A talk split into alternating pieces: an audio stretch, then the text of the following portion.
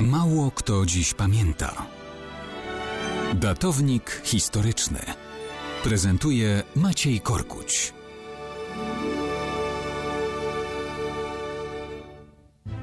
Mało kto dziś pamięta, że 2 września 1945 roku powstało Zrzeszenie, Wolność i Niezawisłość. O ile wczoraj przywoływaliśmy początek II wojny światowej, o tyle powstanie Win przypomina smutny dla Polski finał międzynarodowego kataklizmu. Pierwszy kraj, który podjął zbrojną walkę z Hitlerem, którego opór był początkiem obozu aliantów w II wojnie światowej, kończył rok 1945, rok klęski Hitlera, jako kraj zniewolony przez sowieckich zwycięzców.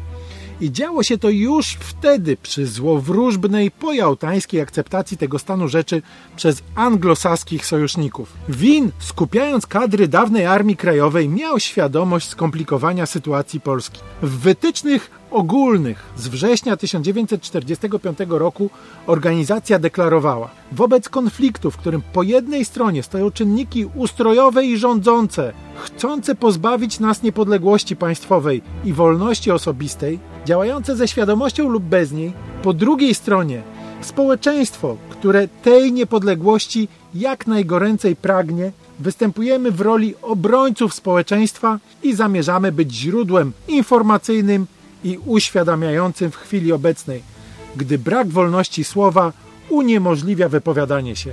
Skupiające w 1946 roku niemal 30 tysięcy osób Zrzeszenie Win było największą organizacją konspiracyjną w powojennej Polsce.